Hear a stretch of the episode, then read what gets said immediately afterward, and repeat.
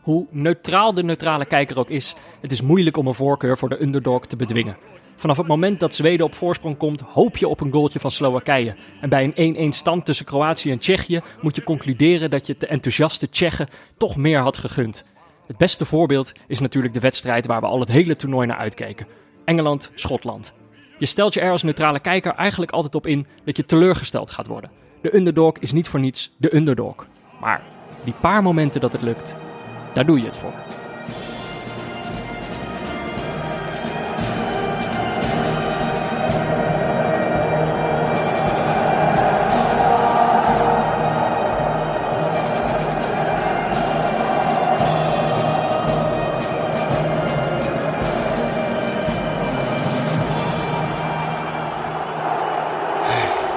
Ja, Jordi? Ja, Peter. Hoe tref ik jou vandaag? Wat voor een Jordi zit er tegenover mij? Een hele vrolijke Jordi. Oké. Nou, nee, omdat ik dacht er is toch iets voorgevallen vandaag. Ja, nee, daar kwam ik vanochtend ook achter. Mhm. Ehm, laster, smaad, zou ik het willen noemen. Jij bent, Maar- bes- jij bent beschimpt. Ja, beschimpt, ja. Ik, ik, ik, dat was het eerste woord wat in me opkwam. En toen ging ik het voor de zekerheid even googelen. Bestaat Of, eh, of, of ik gelijk had dat beschimpt het goede woord was. Mhm. Maar ja, ik, ik, ik stond op met eh, ja, toch al eh, twee, drie berichten van... hey, eh, Hugo Borst heeft jou aangevallen in de Hartgras podcast. Ja. Toen dacht ik, oh jee. ja, dan begint het hart meteen sneller te kloppen. Oh jee, ik denk, ga even luisteren, wat heb ik gedaan? Nou ja, toen heb ik het opgezet. En, eh, nou ja, die, die, die, die, die podcast is eh, eh, helemaal dichtgesponsord en er moeten allerlei berichten aan vooraf gaan. Mhm. Maar ik dacht van, jeetje, zo'n podcast duurt een half uur, drie kwartier. Ik moet het helemaal gaan luisteren om mezelf ergens te gaan vinden. Maar blijkbaar eh, stond ik eh, Nee, ze openden ermee. top prio. ik, was, eh, ik was nieuws van de dag en dat vond ik eigenlijk wel schattig. En waarom ook alweer? Wat, had jij, wat heb je eigenlijk misdaan? Ehm, nou, vond ik ergens wel leuk om te horen dat Hugo Borst, eh, die kijkt eh ESPN Voetbalpraat. Mhm. Daar zat ik van de week. Mhm. En hij maakte er een iets ander verhaal van dan dat ik had gezegd. Omdat ik natuurlijk ook hier in deze podcast vertel over het feit van dat ik... Er zijn bij het Nederlands elftal een aantal posities die ik graag eh, eh, getest zie worden. Zodat we goed weten waar we aan toe zijn en waar we op terug kunnen vallen. Maar het werd eigenlijk dat, eh, dat eh, eh, ik, de wijsneus... Ook wel leuk, de wijsneus. Ja, ik heb, het- moet ik, het, ik heb het losgeknipt. Oh ja? Een wijsneus. Hij heet volgens mij Jordi, Jordi Jamhali of zo. Ja, zoiets ongeveer. Zo heet hij ongeveer. Ja, Maar hij vond jou een wijsneus. Dit was, hij zei dit na de wedstrijd eh, van het Nederlands elftal. Waarin Dumfries de tweede goal had Ja, gemaakt. het, het, het frame was dat ik had gezegd: Dumfries mag eruit, moet eruit. En dat vond hij belachelijk, want Dumfries is een, een nationaal trots en held. En die, die, die pakte natuurlijk weer perfect uit in de afgelopen wedstrijd. Mhm. Is niet helemaal wat ik heb gezegd. Ehm, die soort van vraagstelling rondom mijn naam in combinatie met mijn nieuwe bijnaam. ja, die, die vond ik best wel veelzeggend. De wijsneus. Hij zei aan het einde dus nog dit, want jij zei dus dat Dumfries eigenlijk, eh, wat jou betreft, wel op de bank had kunnen zitten in die wedstrijd. Nou, ja, Dumfries maakt uiteindelijk de bevrijdende 2-0. En dan was de Mhm. conclusie van Hugo Borst was het volgende. Nou, het is maar goed dat we niet naar die Jordi hebben geluisterd. Ja, nou, zo, zo staat Hugo Borst erin. Ik moet zeggen, ik dacht eerst, dacht ik, eh Jordi gaat het mij vanavond uitleggen, ik ga niet luisteren. Want ik zag de berichtjes ook al langskomen. Mhm, mhm. Maar ja, ik kon mezelf natuurlijk niet inhouden. Heb ik, heb ik toch eventjes geluisterd. En inderdaad, het zat helemaal aan het begin meteen al. eh, het bericht over Jordi eh Jamhali. En allereerst moet ik denk ik zeggen... Toen we aan deze podcast begonnen... En als je dan mij had gezegd van ze noemen één van jullie twee de wijsneus... nou, dan ben ik ontzettend blij dat ik het niet geworden ben. En dat had je me, had je me nooit kunnen wijsmaken drie jaar geleden. Dat jij dan de wijsneus van ons twee zou zijn. Maar dat gezegd hebbende, toch nog een paar dingetjes, denk ik, voor Hugo Borst. Ja. Allereerst vind ik het een beetje eh, opportunistisch om je gelijk te halen na een wedstrijd over iets wat iemand voor die wedstrijd heeft gezegd. Dat vind ik, maar goed, zo werkt de, de, de voetballerij, dat snap ik ook wel. Ja, en daar zou ik, zelf, eh, zou ik zelf ook niet te groot voor zijn. Dat zou ik zelf ook gewoon doen. Eh, maar eigenlijk het grotere punt is dat ik dacht, is, het is wel een beetje de omgekeerde wereld. Eigenlijk, toch? Eh, drie jaar geleden begonnen wij met deze podcast. eh, tijdens het WK 2018. Eh, toen zaten wij op tv naar... Of nee, wij zaten thuis op de bank naar Hugo Borst te kijken op tv. Die daar een beetje een... ostentatief een krantje zat te lezen. Zo van, oh, oh, oh, wat was de wedstrijd weer saai vandaag. Ja, En eh, nou ja, je had toen de mensen van de NOS eens moeten horen. Niet over Hugo Borst, maar over de podcast. NOS maakte toen nog geen podcast. nee, ja, dat, dat, dat, het, het hele, dat hele podcast maken, dat vind ik natuurlijk wel een gevoelig, saillant punt. Nou ja, dat, dat hele sentiment zo van, oh, die, die jongetjes van de podcast vinden weer dat de mensen op tv het niet goed doen. En nu zijn ze... ja, en nu is er een omgekeerde wereld. Zit Hugo Borst. Kijk eens wie er nu een podcastje heeft. Zit opeens Hugo Borst in zijn podcastje. Zit hij te vertellen dat hij iemand op tv heeft gezien. die iets doms heeft gezegd. Dan denk ik, hé, hey, wacht even. Dit is de omgekeerde wereld. Zo klopt het volgens mij helemaal niet. En dan denk ik, ik vind het ergens ook een beetje. Ik denk, hoezo zit Hugo Borst heeft ook opeens een podcastje. Met zijn vrienden van de gevestigde orde bij, eh, bij Hard Gras. En we weten natuurlijk ook allemaal wat dit is, hè? Want hij doet net alsof hij het opneemt voor Dumfries. Maar het is eigenlijk een heel denigrerend verhaal dat hij vervolgens afsteekt over hoe we zouden moeten omgaan met Dumfries. Alsof Dumfries er niet mee om zou kunnen gaan om een wedstrijdje op de bank te zitten. Natuurlijk kan hij dat wel. Maar we weten allemaal wat hier aan de hand is, Jordi. Dit is, we- dit is gewoon de kleintjespesten. Dit is de gevestigde orde die ons kapot probeert te maken Ja. die jou kapot probeert te maken. En dat is Hugo Borst, weet je wel. De, gewoon de, de, de gevestigde orde beschermen. Zijn vriendjes beschermen. Gewoon naar beneden trappen. Ons kapot proberen te maken. Ja, ik vind dat... eh, dat hoeven we niet te pikken. En dan denk ik het laatste... Wat ik er dan nog over wil zeggen is denk ik... Als je dan toch iemand dist... Spreek dan op zijn minst zijn naam goed uit. wijsneus. Hij heet volgens mij Jordi, Jordi Jamhali of zo. Het is... eh, Hugo, zal ik het nog één keer uitleggen? Je spreekt het precies zo uit zoals je het schrijft. Het is niet zo heel erg moeilijk. Er staat geen H in die naam. Dat is niet heel erg moeilijk. Nee, Nou ja, ik ik denk, denk... uit de eh, weg. ik ik, denk vond toch... Ik, ik had me nog zo voorgenomen, ik ga er, ik ga er, niet, ik ga er niet pissig over worden. Ben ik het toch geworden. Ja, mijn initiële reactie was... eh, ik heb vanochtend eh, meteen, eh, omdat Hugo zit natuurlijk niet op Twitter... dus ik heb meteen een bericht gestuurd naar Hartgras. En dat zal vast wel bij hem aangekomen zijn... dat ik eh, eh, genoten had van... ja, ja. van- Oh, jij was weer heel vriendelijk online. Je had er weer van genoten. Nee, ja, nee, maar ja, ik- Moet ik dan even heel eerlijk zeggen, fuck you Hugo Borst. fuck you, niet aan Jordi komen. Ik, ik maak je helemaal kapot. Nou ja, oké. eh, Mogen vanaf 26 juni. misschien is hiermee, eh, is het hiermee de kous af. Ja. En zo niet. Kijk, nu, nu is het zeg maar nog beter. Maar hierna ga ik me ermee bemoeien. Oh, Oké. Want ik heb natuurlijk wel een mening. Maar ik, ik ben zeer dankbaar dat eh, deze partnerschap eh, op deze manier zich uit. Dat jij eh, even je zeg hierover wilde doen. ja, nou, dat is eruit. Dan kunnen we het nou gewoon weer lekker eh, over de wedstrijden van vandaag gaan hebben. Alhoewel, Alhoewel, dat zeg ik nou wel. Eh, gisteren zaten we er nog eh, lekker in, dachten we. ja, Eh, we, werden nauwelijks, we maakten eigenlijk geen fout in de podcast. Dus er waren ook geen luisteraars die mailden van... hey, dat jullie moet, moeten jullie even rectificeren. Nou, gisteren is het gewoon helemaal in de soep gelopen. Dus, ja, maar eh, dat, dat is wel een beetje omdat je zo'n vooraankondiging hebt. Is dat ze ultra scherp zijn. Maar het gevolg daarvan is dat als je dan één, of in dit geval een soort van half, tweefoutige dingetjes hebt. Dat dan 15 mensen per punt gaan mailen. Die ook Mhm. allemaal van zichzelf wel weten van iemand is mij voor geweest, maar. ja, onder andere... Misschien heb je het al gehoord, Ja. maar Nou, dit, dit, dit is inderdaad wel een stuk of twintig keer... eh, hebben Ja. mensen dit mij laten weten. ik begon vanochtend met de namen noteren, maar ik ben gestopt om 10 uur. Ja. Eh, wat ik namelijk fout heb gedaan gisteren is dat ik het had over de eerste goal van eh, België met de assist van Kevin De Bruyne. Prachtig doelpunt. Ik, ik heb op dat moment blijkbaar gezegd dat dat 1-0 van België was. Terwijl het was natuurlijk de 1-1, want Denemarken was in de tweede minuut al op voorsprong gekomen. Het voelde wel als een voorsprong voor België, maar dat was het Dat natuurlijk bleek in het niet. uiteindelijk ook wel. Eh, ja, uiteindelijk eh, bleek dat ook wel. Maar dit was natuurlijk eh, een foutje en dat moeten we dan even rechtzetten. Dus eh, dankjewel onder andere Zebu en Xander Rozen voor de, voor de scherpheid. Ja, en het volgende punt is natuurlijk. Is ook voor mij. Ja, want jij merkte op over dat je iets niet helemaal kon plaatsen wat Jeroen Gruter zei.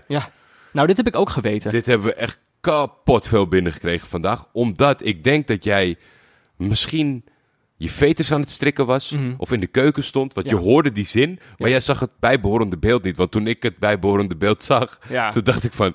Maar Peter, dit had je op zich niet hoeven afvragen. Nee, deze zin van commentator Jeroen Gruter tijdens de wedstrijd van het Nederlands elftal klonk heel raar. Hij zei namelijk geen twee vingers in de neus, maar vier vingers in de oren.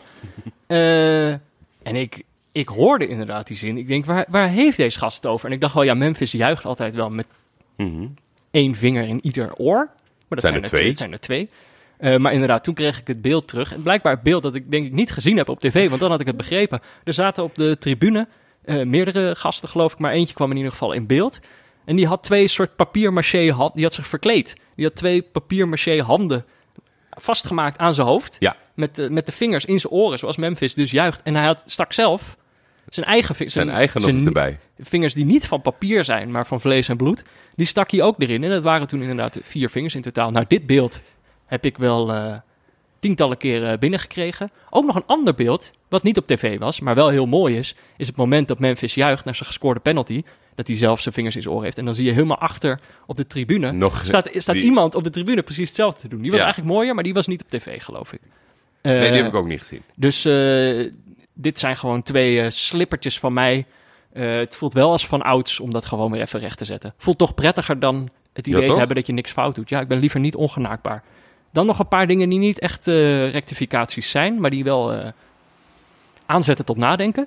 We hadden het gisteren over EK-transfers. Spelers die het goed doen op een EK en dan een transfer maken. Oh, dit was top. Luisteraar Peter Zanting stelde een naam voor, voor, Ja. dit, voor deze trend.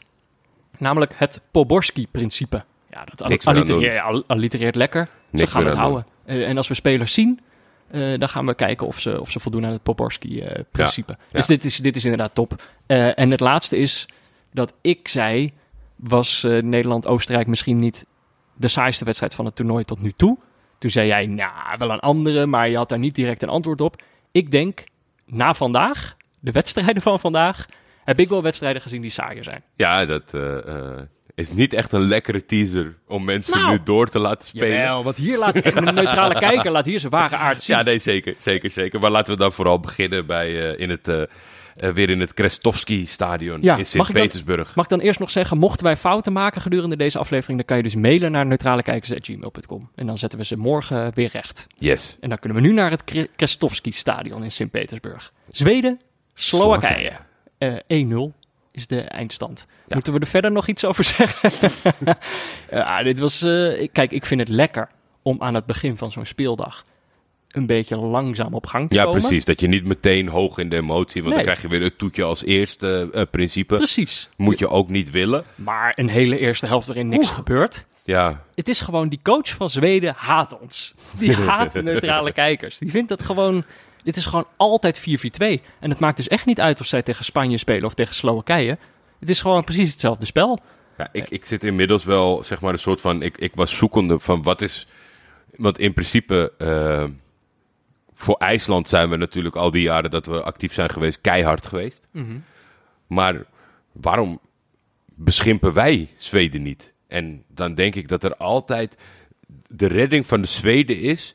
Dat er altijd minimaal eentje tussen loopt Die je toch kan die bekoren. ervoor zorgt, nou, dat je het maar weer gedoogt. Maar ik, ergens vind ik ook dat we daar nu gewoon een streep door moeten zetten. Want Huh? Alexander Isak speelde echt een fantastische Die wedstrijd. jongen is, heeft iets magisch. Lust op het oog, zoekt de dribbles op, doet wat hij kan. Is echt in dienst. Als zeg maar, de coach een hekel aan ons zou hebben, dan heeft hij overdreven veel liefde voor ons. Ja. Maar we moeten, denk ik, ergens een punt maken.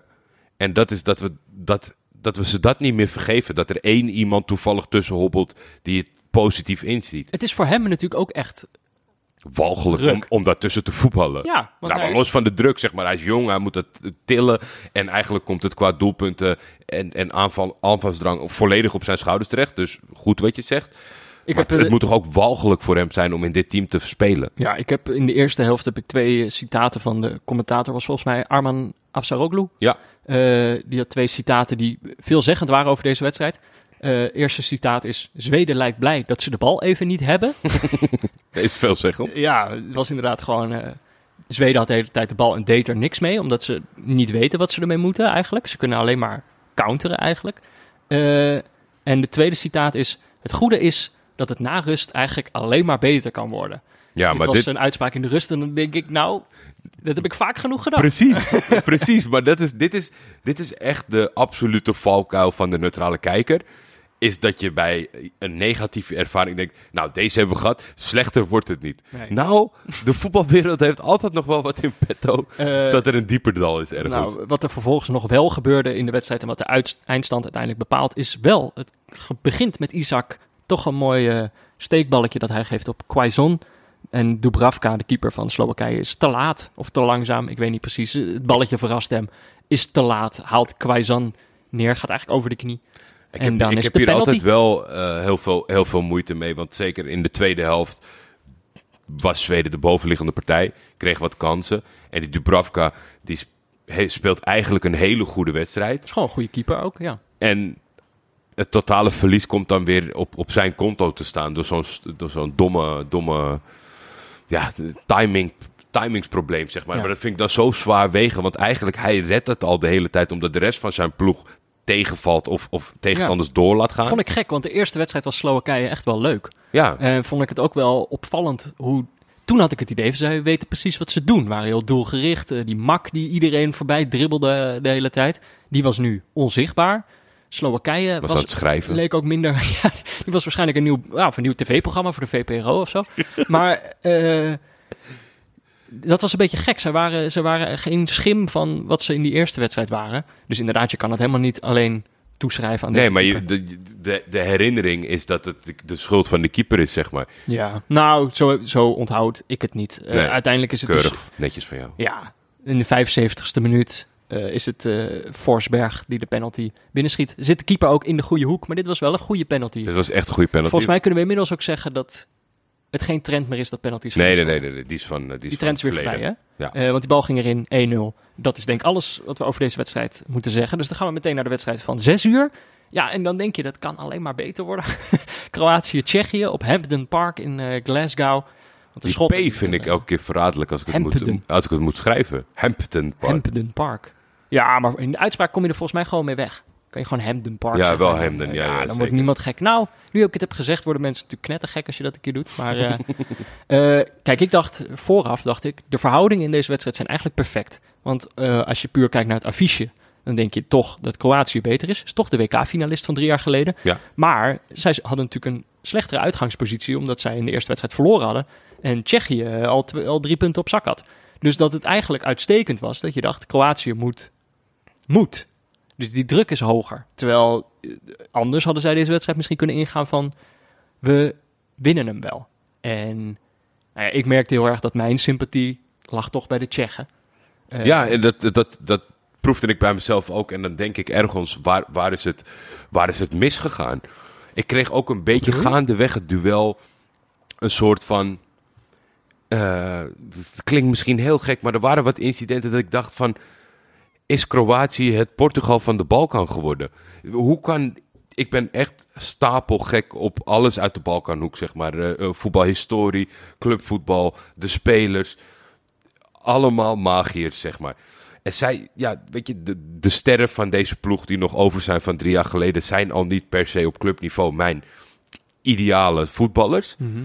Maar ze hadden echt ook wel een hele nare aanwezigheid op het elftal. En ik dacht van, ik heb natuurlijk gezegd over de, ja, toch wel hele degelijke en saaie Tsjechen. Mhm. Hoe kan, het, hoe kan het nou zijn dat ik in deze wedstrijd op een gegeven moment denk van, nou, kom op Tsjechië. Nou, dat komt natuurlijk ook een beetje door, door Patrick Schiek tijdens die eerste wedstrijd, toch? Daar waren ze gewoon... Die stal toen de show en daardoor heb ik een goed gevoel bij, bij de Tsjechen. Ja, maar ik denk wel, wel groter dan dat. Omdat, zeg maar, net maak ik nog een punt van dat we de Zweden eh, bij de enkels moeten afzagen. En niet meer een oogje dicht moeten knijpen. Omdat er één iemand Ja. speelt, zeg maar, met... Maar ik, ik, ik vind ze in de, in de gele lijn wel gewoon... We hebben het gehad over dat het frustrerend is als een ploeg met mogelijkheden zijn best niet doet, zeg maar. Dus als Frankrijk eh, georganiseerd speelt. Maar bij Tsjechië heb ik heel erg het gevoel dat zij alles doen wat ze in huis hebben. En dat kijkt prettig. En Kroatië vond ik vervelend, negatief, Gezapig. tegenvallend, gezapig. Dat hele rijtje.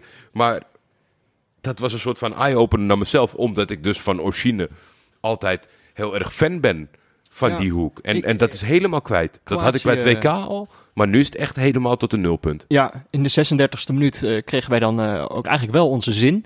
Is een moment dat... eh, is het een corner? Ik geloof het wel. Eh er gaan natuurlijk dan een hoop, eh, hoop mensen de lucht. in. Ja, nou, we zullen het merken Ik ga het niet, eh, niet live rectificeren, We maar ik morgen- ben benieuwd. We zullen morgen merken of het de corner was of niet. Maar Waarschijnlijk meldt Hugo Borst. er, gaan een, eh, er gaan een aantal spelers eh, de lucht in. Waaronder Patrick Schiek en eh, verdediger Lovren van Kroatië. En die Lovren die gaat met zijn elleboog achteruit. Eh, die bal gaat eh, mis. En dan ligt op een gegeven moment toch het spel stil. Omdat Schiek eh, bloedend op het veld ligt. Die heeft een, eh, een, een- een bloedneus. En op het moment dat ze dus even gaan kijken van... Hey, gaat het wel goed met deze jongen?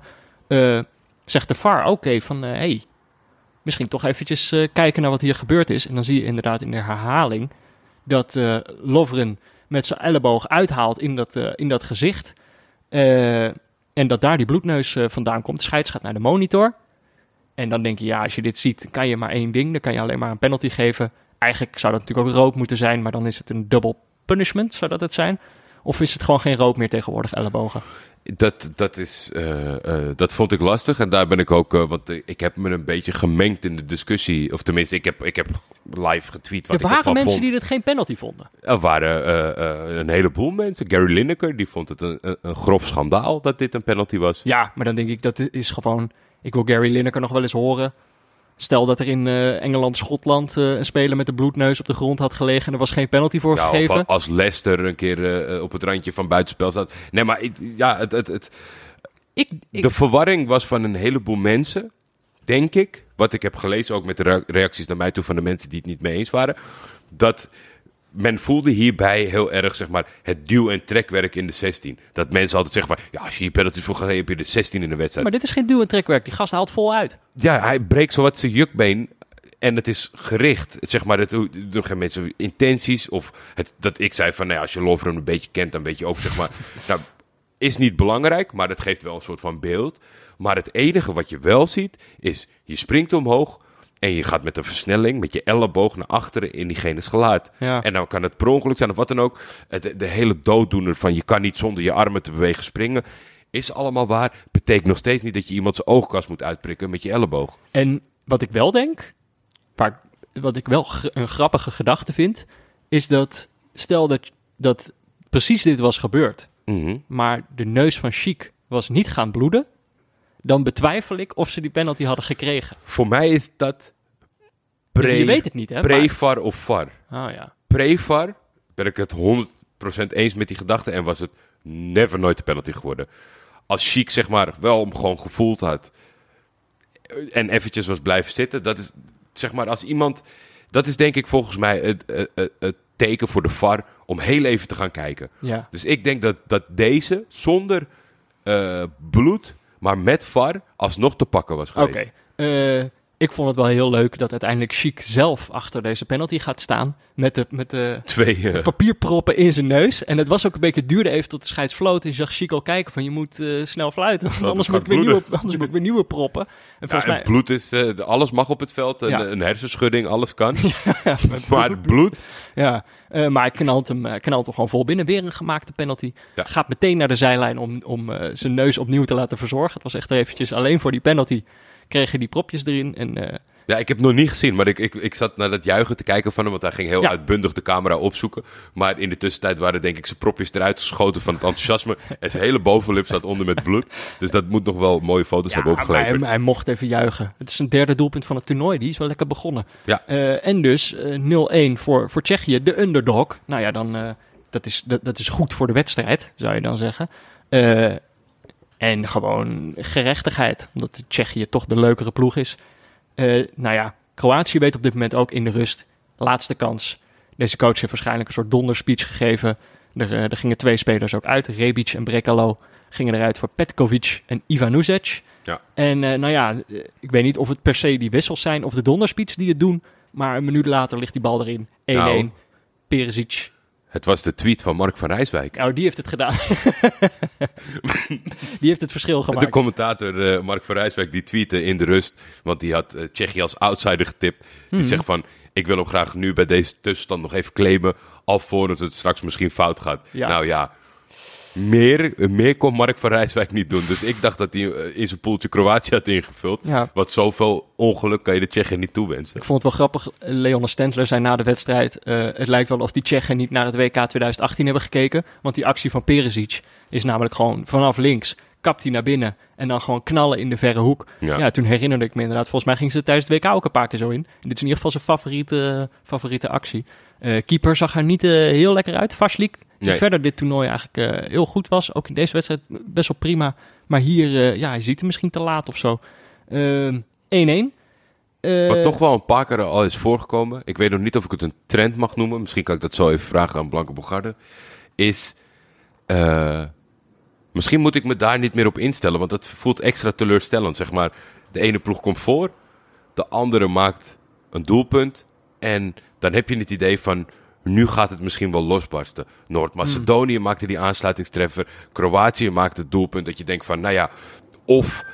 Oh, oh, dat is eh, een herinnering op mijn, eh, op mijn telefoon. Eh, maar je, je verwacht altijd een soort van verdere reactie in de wedstrijd. Maar dan kan het weer helemaal zo Ja. rustig worden en afnemen en Ja. de intensiteit terugschakelen. Heeft het er niet mee te maken dat, dat voor Tsjechië dit eigenlijk prima was? Dus dat zij misschien ook eh, een beetje omgeschakeld hebben en dachten... eh, niet verliezen. Want als we gelijk spelen, Ja, hebben we vier Kroatië punten en maakt zijn we er. best wel, eh, zichzelf best wel lastig in die zin. Ja. Ik vind ook eigenlijk... Ik had ook eigenlijk... eigenlijk deze wedstrijd heb ik besloten dat Kroatië van mij weg mag. Omdat het feit dat zij pas bij een achterstand tegen Tsjechië de knop om kunnen zetten... dat blijkbaar dan pas iets ontwaakt in die ploeg. En dan nog niet eens helemaal. Ik, ik heb gewoon het gevoel van als, als pas als de nood hoog is... als je dan pas kunt presteren... of als je dan pas eh, leuk kan gaan voetballen... Ja, Dan denk ik, ja, die, die hebben we niet nodig op dit toernooi. Ik wil gewoon ploegen die dat... die willen die hier dat- niet graag genoeg zijn. Nee. Dat vind ik, een mooi, vind ik een mooi punt. Voordat we naar de, denk ik, toch de Battle of Britain verhuizen. Wat, eh, Ja, nou, Tsjechië heeft dus uiteindelijk heel goede zaken gedaan. Ik denk dat we dat op die manier afsluiten. Die zijn er al. En wat ik verder nog grappig vond, was Afellay na de wedstrijd bij de NOS. Ze lieten een fragmentje zien waar Lovren struikelde, min of meer uit het niets. En dan een heel erg om lachen. Ja, ik vond dat vond ik gewoon een leuk eh analyse momentje. Zie je het niet vaak. Maar Afellay, eh, die, ja, ik weet niet, die, die wist dat wel op een leuke manier het is, eh, te eh, presenteren. Zeker omdat Lovren ook een beetje de, de bad guy was in deze wedstrijd. met de juiste mensen om eh IB heen is hij een van de leukste in dat gezelschap Yes. wat geboekt is. Dan gaan we naar de Battle of Britain. Toch het hoogtepunt van de dag, het toetje. Misschien wel de wedstrijd waar ik als neutrale kijker het meest naar heb uitgekeken van tevoren. Ik dacht toen, als dit wordt gewoon zo vet en als Schotland ook maar iets... zeg maar, als Schot- Schotland ook maar niet verliest, dan is dit al een, eh, Ja. al een geweldige eh, wedstrijd. Dit is gewoon de wedstrijd waarin, waar iedere neutrale kijker, denk ik, zijn ware aard laat zien. Eh, ik denk gewoon, als je hier niet voor Schotland bent, dan is er gewoon iets, iets mis met je. Ja, of je bent Engels.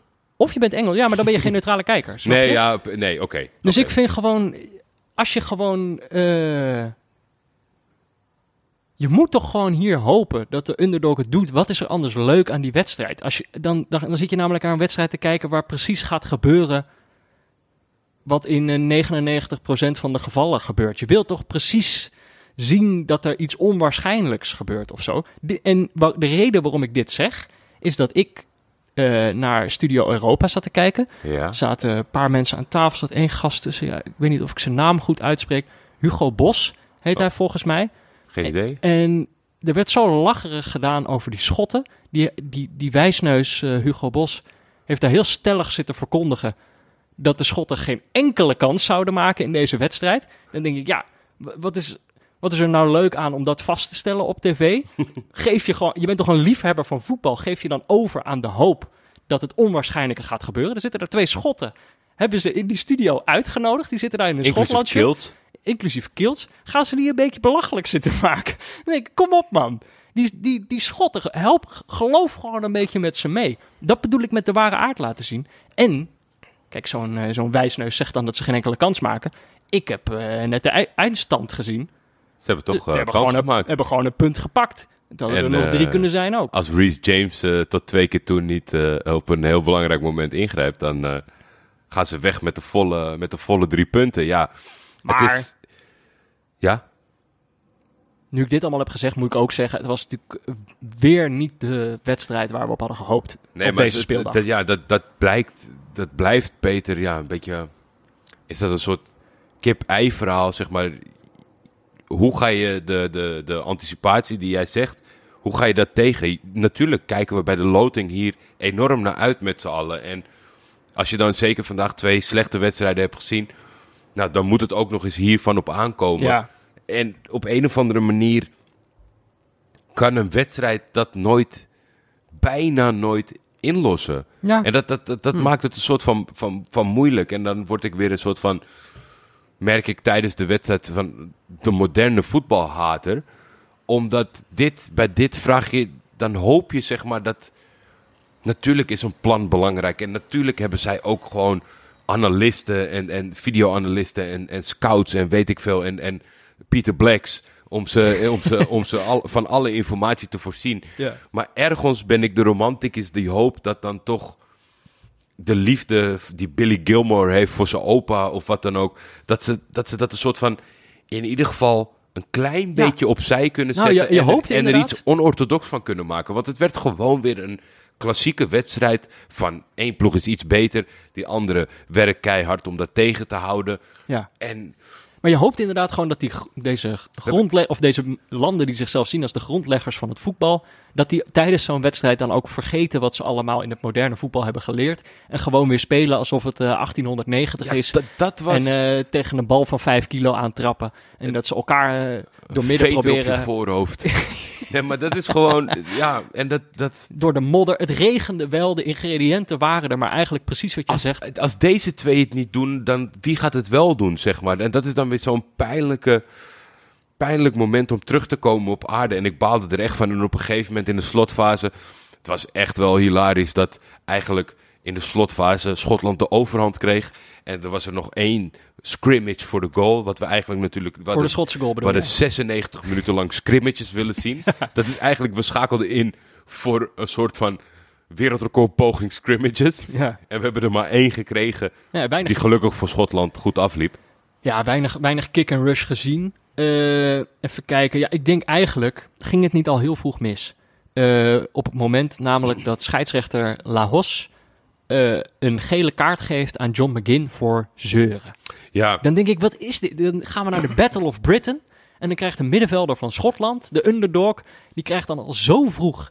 Ik weet niet wat hij gezegd heeft. Ik- Hij zal die gele kaart niet zomaar gekregen hebben. Maar ik denk van ja, kom op. Eh, als je hem hier al geel voor geeft, dan, dan maak je die gast onschadelijk. En dan eh, schiet je Nee, Schotland ik, ik, zag, ik zag voet. een heel mooi bericht voor de wedstrijd. Dat bleef een beetje hangen. Ik zou heel graag credit willen weten, geven, maar ik weet niet wie het was. Het was sowieso niet Nederlandstalig. Maar er, was een, een, er werd een hoop uitgesproken dat de scheidsrechter de wedstrijd zou aanvoelen en een beetje de voetbalhistorie zou kennen. En daar werd natuurlijk mee bedoeld dat als dit lekker hard tegen hard gaat, dat, dat niet zeg maar pietluttigheid de bovenhand zou nemen. Toen gebeurde dit. Toen dacht ik, oh shit, dat is precies wat diegene Mhm. bedoelde. Want ja, als je toch voor, nou ja, als, als zou die, als zou die iets in de trend hebben gezegd van Arnautovic, dan, dan haal je toch nog steeds als volwassen scheidsrechter je schouders op en dan denk je, nou, eh hey, John, nou je bek houden, doorvoetballen. Ja, de, zijn bijnaam was ik nog vergeten te zeggen, de Scottish Zinedine Zidane. en er stond natuurlijk vandaag stond ook de Yorkshire Pirlo op het veld bij de, aan de Engelse kant. Maar eh, ja, het mocht niet baten. We hebben niet. eh, eh, ik denk uiteindelijk een conclusie die ik trek uit deze wedstrijd is dat Engeland eh, underwhelming was. Harry Kane niet gezien. Nee. En eigenlijk, ja, wie maakte nou indruk bij die Engelsen? Ik kan er, kan er niet zo gauw één noemen. Ik, ik denk dat zij gefaald hebben om, om hier te winnen. Zeker. En, en ja, het is toch ook wel een soort van. eh, eh, ik moet dan zeggen dat ik toch wel een beetje lachend ernaar kijk. Als het zo extreem niet lukt. Dat Sancho op geen enkele manier betrokken is bij deze ploeg. Ja, ik snap ook niet zo heel goed wat daar precies... Ja, dan kan je linksom of rechtsom kan je van alles voor, voor, voor tekst en uitleg geven. Maar als jij gewoon de hele tijd niet eh, kan penetreren, niet, niet, niet, niet de creativiteit hebt om iets te openen. Mhm. En Sancho is niet betrokken bij jouw strijdplan, dan denk ik ja. Nou ja, Ehm. toen Jack Grealish kwam, dacht ik, dit is een gast, die kan deze hele wedstrijd openbreken. Maar die, die verzoop ook in Ja, deze die verzoop wedstrijd. ontzettend. En, eh, dat was wel mooi. Die, volgens mij was het eh, O'Donnell. Die die gele kaart in de slotfase pakte. Ja, die begon te laat met Ja, dat, maar dat was- shithousery. Ja, precies. Die shithousery was wat we wilden hebben. Want die, was, die, die schopte Grealish zo hard. Die was zoveel te laat. En die camera bleef hem volgen. En toen moest hij zelf gniffelen van die overtreding die hij had gemaakt. Ja, dat is Ja. tof, man. Ja, uiteindelijk Jammer. de, enige waardoor ik blij op deze wedstrijd kan terugkijken, Dijks is dat het Schotland gelukt is om 0-0 te houden. Ja, En dat van, alle, van alle foute voorspellingen en gevoelens die ik had gevoeld. Als die Dykes toch die 1-0 maakt en Schotland wint 1-0, dan oh, heb ik dat, toch die, gewoon... dat Tyrone Minks hem net wegkomt. Oh, man, man, man. Man, dacht man. al, hij had hem al gemaakt, hè. Maar even serieus, Peter. Schotland-Kroatië Ja, is, is een ticket. Inzet is een ticket. Ik, dan moeten die Schotten dat toch halen. Anders, dan, anders, dan ga, anders krijg ik echt kras op mijn ziel. Ik zag net een tweet waarin eh, de premier werd verzocht van... "F- f- Fuck alle regels en dingen. De Hamden Park moet vol. Het is nationaal belang. Nou ja, ja we zullen zien hoe, hoe, hoe dat gaat. Maar ik gun het de Schotten in ieder geval van harte. Jij noemde hem net al even, Pieter Black. Zullen we nog heel even nu naar de diepteanalyse van deze wedstrijd gaan? Eh, ja, we zullen zien wat hij ervan vond. Kijk een pressing. Kijk een pressing.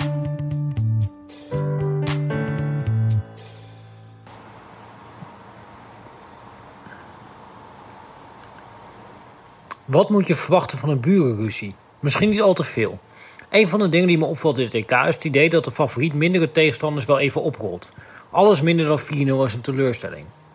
Terwijl dat de realiteit van een EK is dat zulke uitslagen een grote uitzondering zijn. Op het voorgaande EK waren er precies drie zegens in de groepsfase met drie doelpunten verschil. Doelpuntrijk was het vooral in de achtste en kwartfinale.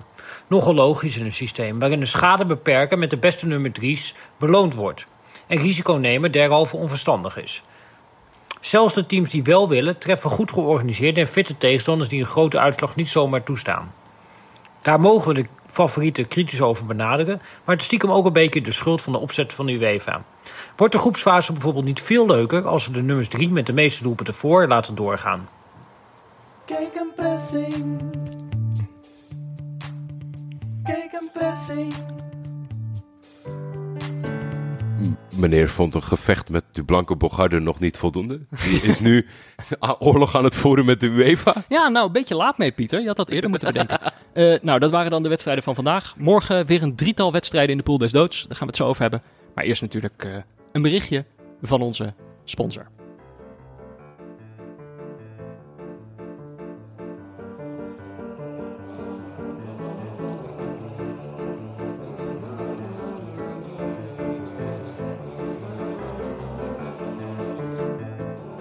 Ja, want ook deze aflevering van Neutrale Kijkers wordt natuurlijk mede mogelijk gemaakt door Auto.nl. Auto.nl heeft deze zomer de perfect, het, het perfecte autorijnummer laten maken door Tim Knol. Maar de Neutrale Kijker die zit natuurlijk eh, vooral thuis op de bank voetbal te kijken. Daarom maken wij met Neutrale Kijkers deze zomer de ultieme EK-playlist samen met jullie, de luisteraars. Je kan hem vinden op eh, Spotify door te zoeken op de ultieme Neutrale Kijkers EK-playlist. Link staat in de show notes, dan kan je hem eh, wat makkelijker vinden. Jullie kennen het proces. Elke dag een eh, liedje eruit en een liedje erin. Eh, ja, Jordi, er is vandaag een verrassing. Ik, Ja, ik, ik, ik was vanochtend eh, begonnen met de voorbereidingen en had iets voorbereid. Maar toen zag ik... en ik laat me graag verrassen natuurlijk. ik kreeg het volgende bericht. En ik denk dat je gaandeweg wel weet van wie het bericht is. Hey Peter, mag ik even achter Jordi zijn rug om een nummer aanvragen voor de Neutrale Kijkers EK-playlist voor zaterdag 19 juni? Die dag zijn we één jaar getrouwd en we hebben het nummer Magic in the Air van Magic System aan het einde van onze ceremonie afgespeeld. Met een berichtje, is ook een voetbalnummer. Haha. Ja Jordi, dat liedje gaat erin jeetje. vandaag. Ja, Van wie is dit? eh, mijn ex-vrouw. Nee, ja. Dit is van mijn kanjerlot. Ja, super lief van haar. Eh, En een geweldig nummer, ik heb hem toch eventjes opgezet. het is een heel vrolijk makend nummer, hè? Ja, deze mag zeker in de lijst. Ja, Eh, ik heb er wel gezegd, er moet er ook eentje uit. Dus eh, ze heeft even in de lijst gekeken. ja. En het is, eh, nou, ze had het niet passender kunnen doen. Ze heeft het voor deze wedstrijd al gedaan. Maar Three Lions gaat eruit. It's not coming home. maar Oh, magic is in the air. is harshe commentary van mevrouw. Nou, schat, dankjewel. Dit vind ik ook prachtig, hè? In onze podcast. Jij hebt mijn vader een keer gepresenteerd in het gespo- of eh, ge- gefeliciteerd in het gesponsorde segment. En nu word jij met je trouwdag gefeliciteerd door je eigen vrouw. Waar ik echt niks van wist. Nee, het is een leuke verrassing, hè? ja, was wel een leuke verrassing. Absoluut. Eh, nou, mocht je niet eh, de, de vrouw van Jordi zijn, en, maar wel een liedje in de, in de ne- ultieme Neutrale Kijkers EK-playlist willen zetten, dan kan dat door een mailtje te sturen naar neutralekijkers.gmail.com met het liedje dat jou in de perfecte eindtoernooistemming brengt. De- natuurlijk de reden waarom. En ook niet vergeten het liedje dat wat jou betreft er weer uit moet. En ik zou zeggen, je, be- je hebt veel lef. Ik wou je- net als je zeggen. dit liedje er nog uitflikkert. Dit is, een, dit is een nieuwe tip. Ik krijg natuurlijk elke dag, of, of ik, wij, wij krijgen elke dag voldoende input voor deze lijst. Dus ja, als je het toch waagt om hier aan te komen, Ja. dan eh, Normaal- heb je kans dat je hem niet wordt. Normaal zeggen we altijd, eh, eh, Tim Knol mag er niet uit. We zijn contractueel verplicht om het liedje van Tim Knol erin te laten staan. Wandering Heart. Lekker nummer. Heerlijk nummer. Heerlijk nummer. Maar deze, ja, het is niet contractueel verplicht, maar je hebt wel echt lef als je, als je dit doet. Nou, en mocht je de hele lijst willen luisteren morgen in aanloop naar de wedstrijden, bekijk hem dan op Spotify. De ultieme Neutrale Kijkers EK-playlist in samenwerking met Auto.nl. Oké, gaan we bellen met de, de trendwatcher van de show. Pff, die was lang van stof gisteren, hè? Ja, Maar hij is dan nieuw, hè? Kijk, bij Pieter, bij Pieter zou je zeggen van... eh, we hadden hem ook een minuutje moeten Pieter geven. nou kappen, maar eh, hij bleef maar ratelen, jongen. Nee, Pieter is inderdaad toch kort van stof. Ja. Kijk, ik wil niet weer... eh, gisteren is de strijdbijl begraven. Ik wil nu niet weer stoken. Nee. Maar Pieter doet dat toch beter. Absoluut. Eh, maar we gaan even Hij is kijken. onwennig. Ja, hij is onwennig. Ik vind hem onwennig. Goed, het is ook een beginner, hè. Morgen weer een paar wedstrijden. Kijken wat Off hij the record, zo'n waffel.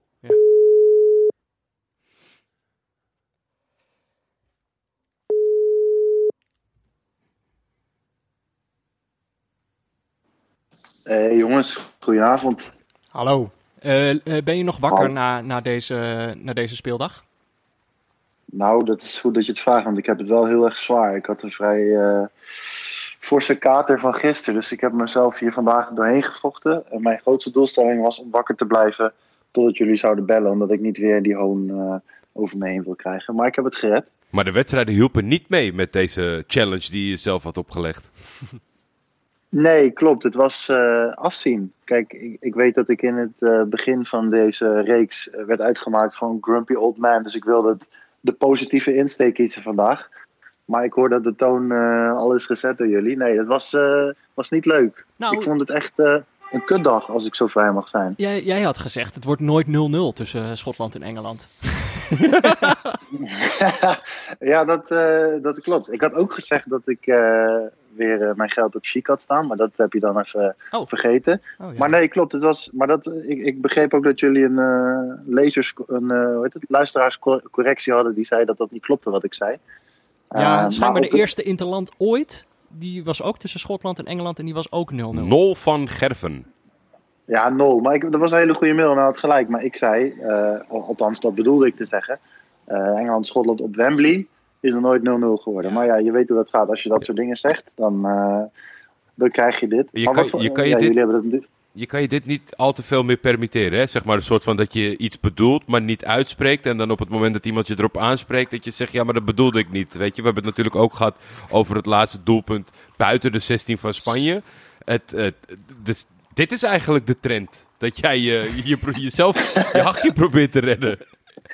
Trek jij mijn integriteit in twijfel, Jordi? ik heb gewoon mijn, ik heb mijn zaakjes goed op orde. Ik bedoel, ik, wist, ik heb jullie gisteren verteld dat vanavond Engeland-Schotland Ja, was. dat is waar. Oké, oké, oké. Dat is wel waar. Nou, dan mo- moet je ons misschien ook maar gaan vertellen welke wedstrijden er morgen zijn en wat we daar precies van kunnen verwachten. De pool des doods komt eraan.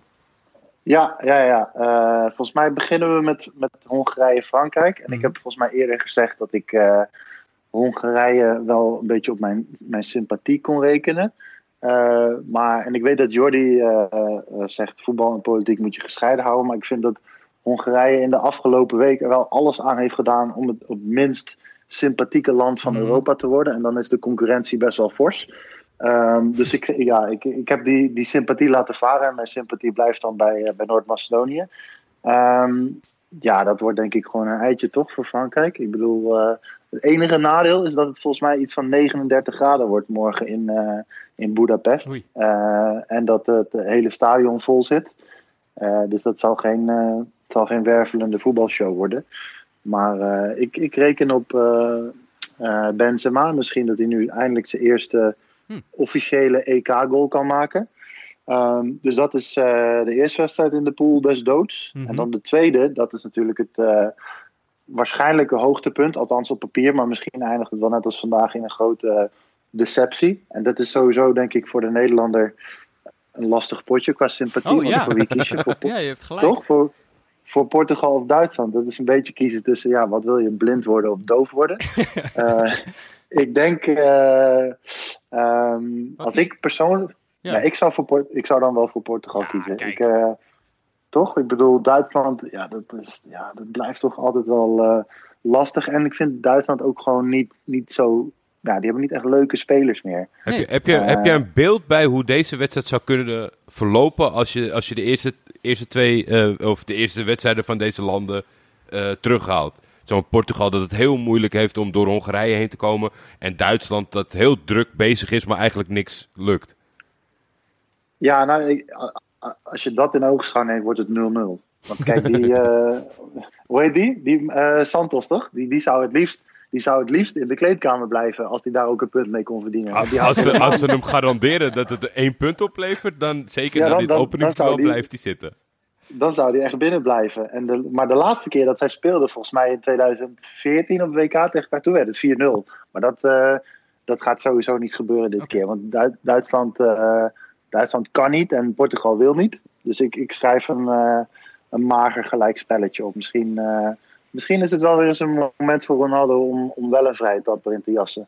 Hm. Eh, want hebben, die, Interessant. hebben jullie die vrije trap van hem gezien tegen Israël? Die oefen eh eh Interland, nee zeker. Hoe lang is dat geleden? Die het stadion uitging? Ja, ja, die ging echt het stadion uit. Ja, Dus ja, was heel, ja, eh, zeker, zeker, zeker. Die, die, die heeft wat recht te zetten. Dit is wel, En, dit is uiteindelijk wel echt. Je, je kijkt vaak naar zo'n man en je denkt, eh, wat kan hij niet? Weet je wel, zo'n geweldige voetballer, zo'n machine.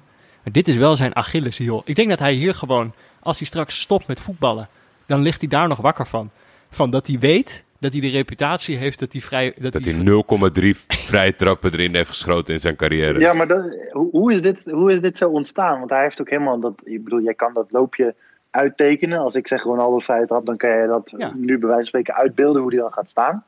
Maar ik kan me niet herinneren. Ja, waarschijnlijk eh, gaat iemand dan zeggen: ja, eh, dat is twee weken geleden nog Ja, gebeurd. dat maar weet je. ik- Maar dat- gelukkig bedoelt hij dat dan niet. Was het niet het vorige EK dat hij hem maakte?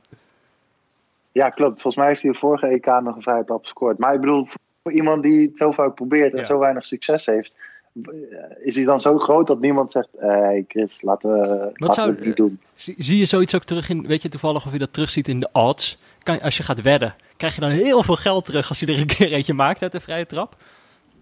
Eh, nou, volgens mij, ik denk dat je daar best wel wat geld voor terugkrijgt. Ja, want hij, ja, hij heeft gewoon, hij heeft niet zo'n hoge succesrate. Nee. Dus eh, daar ben ik wel eh, eh, benieuwd naar. Ja, hè? Misschien nu ga krijgen we wel ik, door deze onzin ga ik morgen weer, weer inzetten op een vrije Oh, trap van Ronaldo. Wat echt niet gaat gebeuren, maar omdat ik bang ben om de boot te missen. Oh, maar dat zou leuk zijn.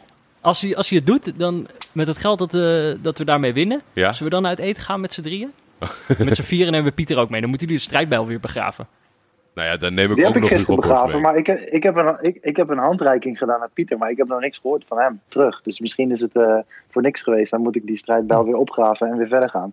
Maar eh, over uit eten gaan gesproken. De laatste wedstrijd is eh, Spanje-Polen. Mhm. Eh, mijn, mijn, eh, mijn aanbod aan jullie staat nog steeds als Spanje eh, van buiten de 16 scoort. Dan neem ik jullie mee uit eten. Oké. Ehm, maar verder, ik weet het niet, man. Het is een beetje de wedstrijd van de spitsen die niet, eh, die niet kunnen scoren in het nationale elftal. Lewandowski is eh, een schoothondje in de spits. En ehm hoe heet die? Morata, die heeft ook inmiddels eh, een soort van Marcus Berg-achtige proporties aangenomen in Spanje. Waarbij het hele land hem het liefst nou ja, ziet verdwijnen. Was dat, was de nou, weet jij of dat nou een echte quote was dat Luis Enrique heeft gezegd van Morata Ja, en tien andere spelen? Ja, ja hij, hij- krijgt wel echt het vertrouwen. Dus die, eh, de pers kan- vroeg hem van hoe gaat dat? En dan eh, had hij gezegd, eh, eh, de opstelling is Morata en tien anderen. Zo. Ehm, maar goed, ja, dat is Echt wel... wat iemand eh, zou zeggen met een cargo broek aan. Ja, maar het, het is wel ja, bijzonder. Ik ben wel benieuwd wie, de, wie er dit toernooi eerder scoort. Lewandowski, Morata of Turkije. Dat is voor mij ook een... eh, Zo, jij gaat er nog even inzagen? Oké, Zo. oké, oké. Nog even een gewaagde uitspraak Ja, vlak, voordat je, vlak voordat je naar bed Ik, eh, ik ben klaar, Peter. Zullen we ophangen? Ja, ja, is goed. We spreken jou morgen weer. eh. ja, eh, ik, ik moest nog even zeggen, ik denk wel dat Spanje gewoon wint. Maar dat lijkt Oh ja. me vanzelfsprekend. Oké, nou, ik, eh, ik, ik ben er benieuwd. Maar ik, eh, nou, ik heb toch eh, stiekem eh, zin gekregen in de wedstrijden morgen. Top, ik heb ik niks ook. meer toe te voegen aan dit blok. Oké, eh, dan spreken we je morgen weer. Is goed, Slaap doei. lekker, doei. Oké Jordi, dan moeten, we, dan moeten we gewoon maar snel door, toch? De We neutrale... hebben absoluut een winnaar. Echt, de neutrale kijkers Sebon notenkraker van de dag. Elke dag een ik vraagje om ik- dat nootje in je koppie. te laten kraken. Ja, en de, neutra de niet zo neutrale borrelmix gaat als een trein. Ze worden besteld door het hele land Ja. heen. Eh, mensen gaan ze halen. Ik heb ze op diverse social media platforms voorbij zien Ik komen. zag eh, Jesse de, van, van Sebon.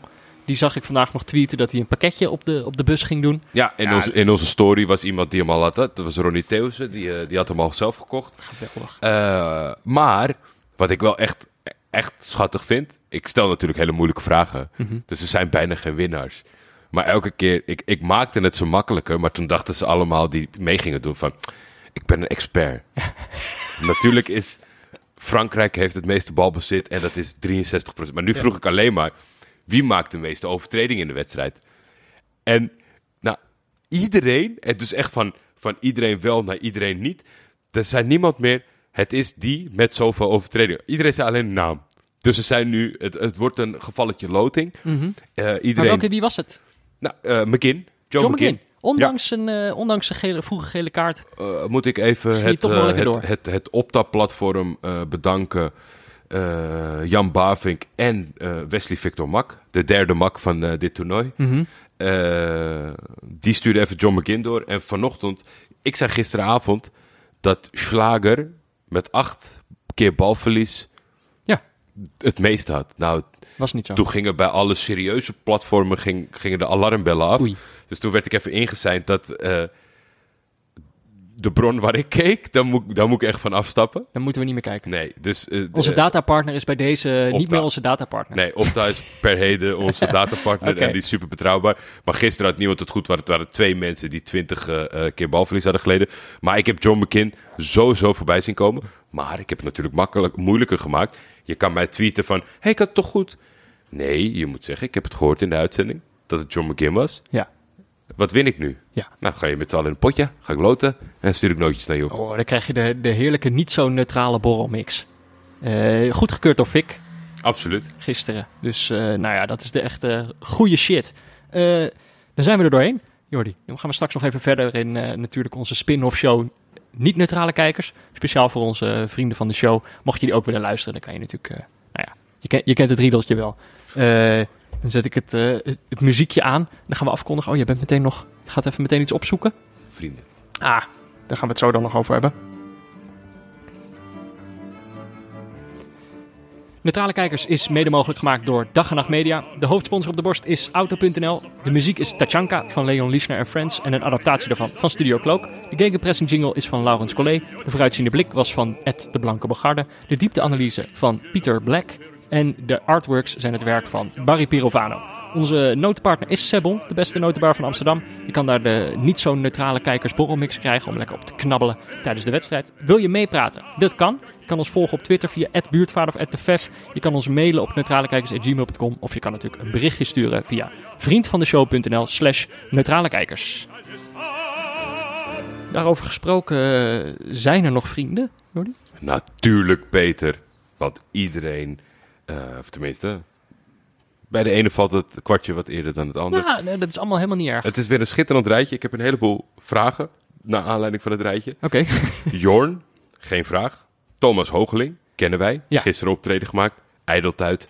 Wilde zichzelf terugluisteren, was nog geen vriend. Het zat een beetje in een lastig pakket. Ja, die wilde Moet pas, hij nu bij ons gaan bedelen of het MP4'tje door, MP3'tje doorsturen? die wilde pas vriend van de show worden toen hij, toen hij naar zichzelf kon luisteren. zelf kon luisteren. Nou ja, eh, elke reden om een vriend van ik ons te worden is een wel, goeie. wel waardering dat je, dat je zeg maar zo open en bloot tot dat moment wacht. Ik ben zeer benieuwd. Daarom dacht ik soms vragen eh, wie die als profielfoto hebt. Dat is hij zelf niet. Eh, dan hebben we Schamine. Mhm.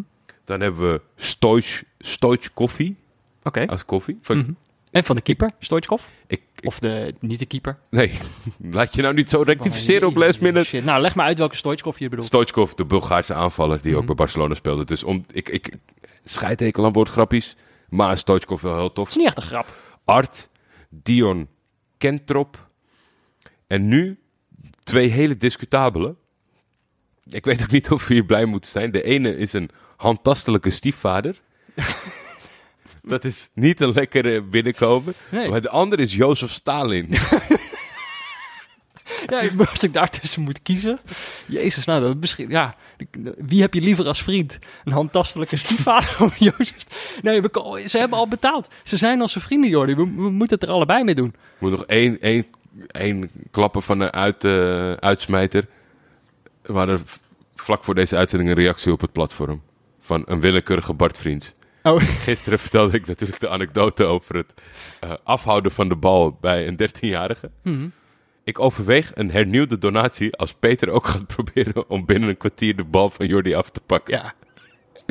Nou ja, dat is hetzelfde, ja, dat is hetzelfde resultaat. ik ben ook ongeveer 13. Dus ik krijg die bal, ik ga het niet eens proberen. Ik krijg die bal nooit te pakken. Ik, eh, Eh, ik, ik vond hem leuk, Bart. We gaan verder praten in niet-neutrale kijkers.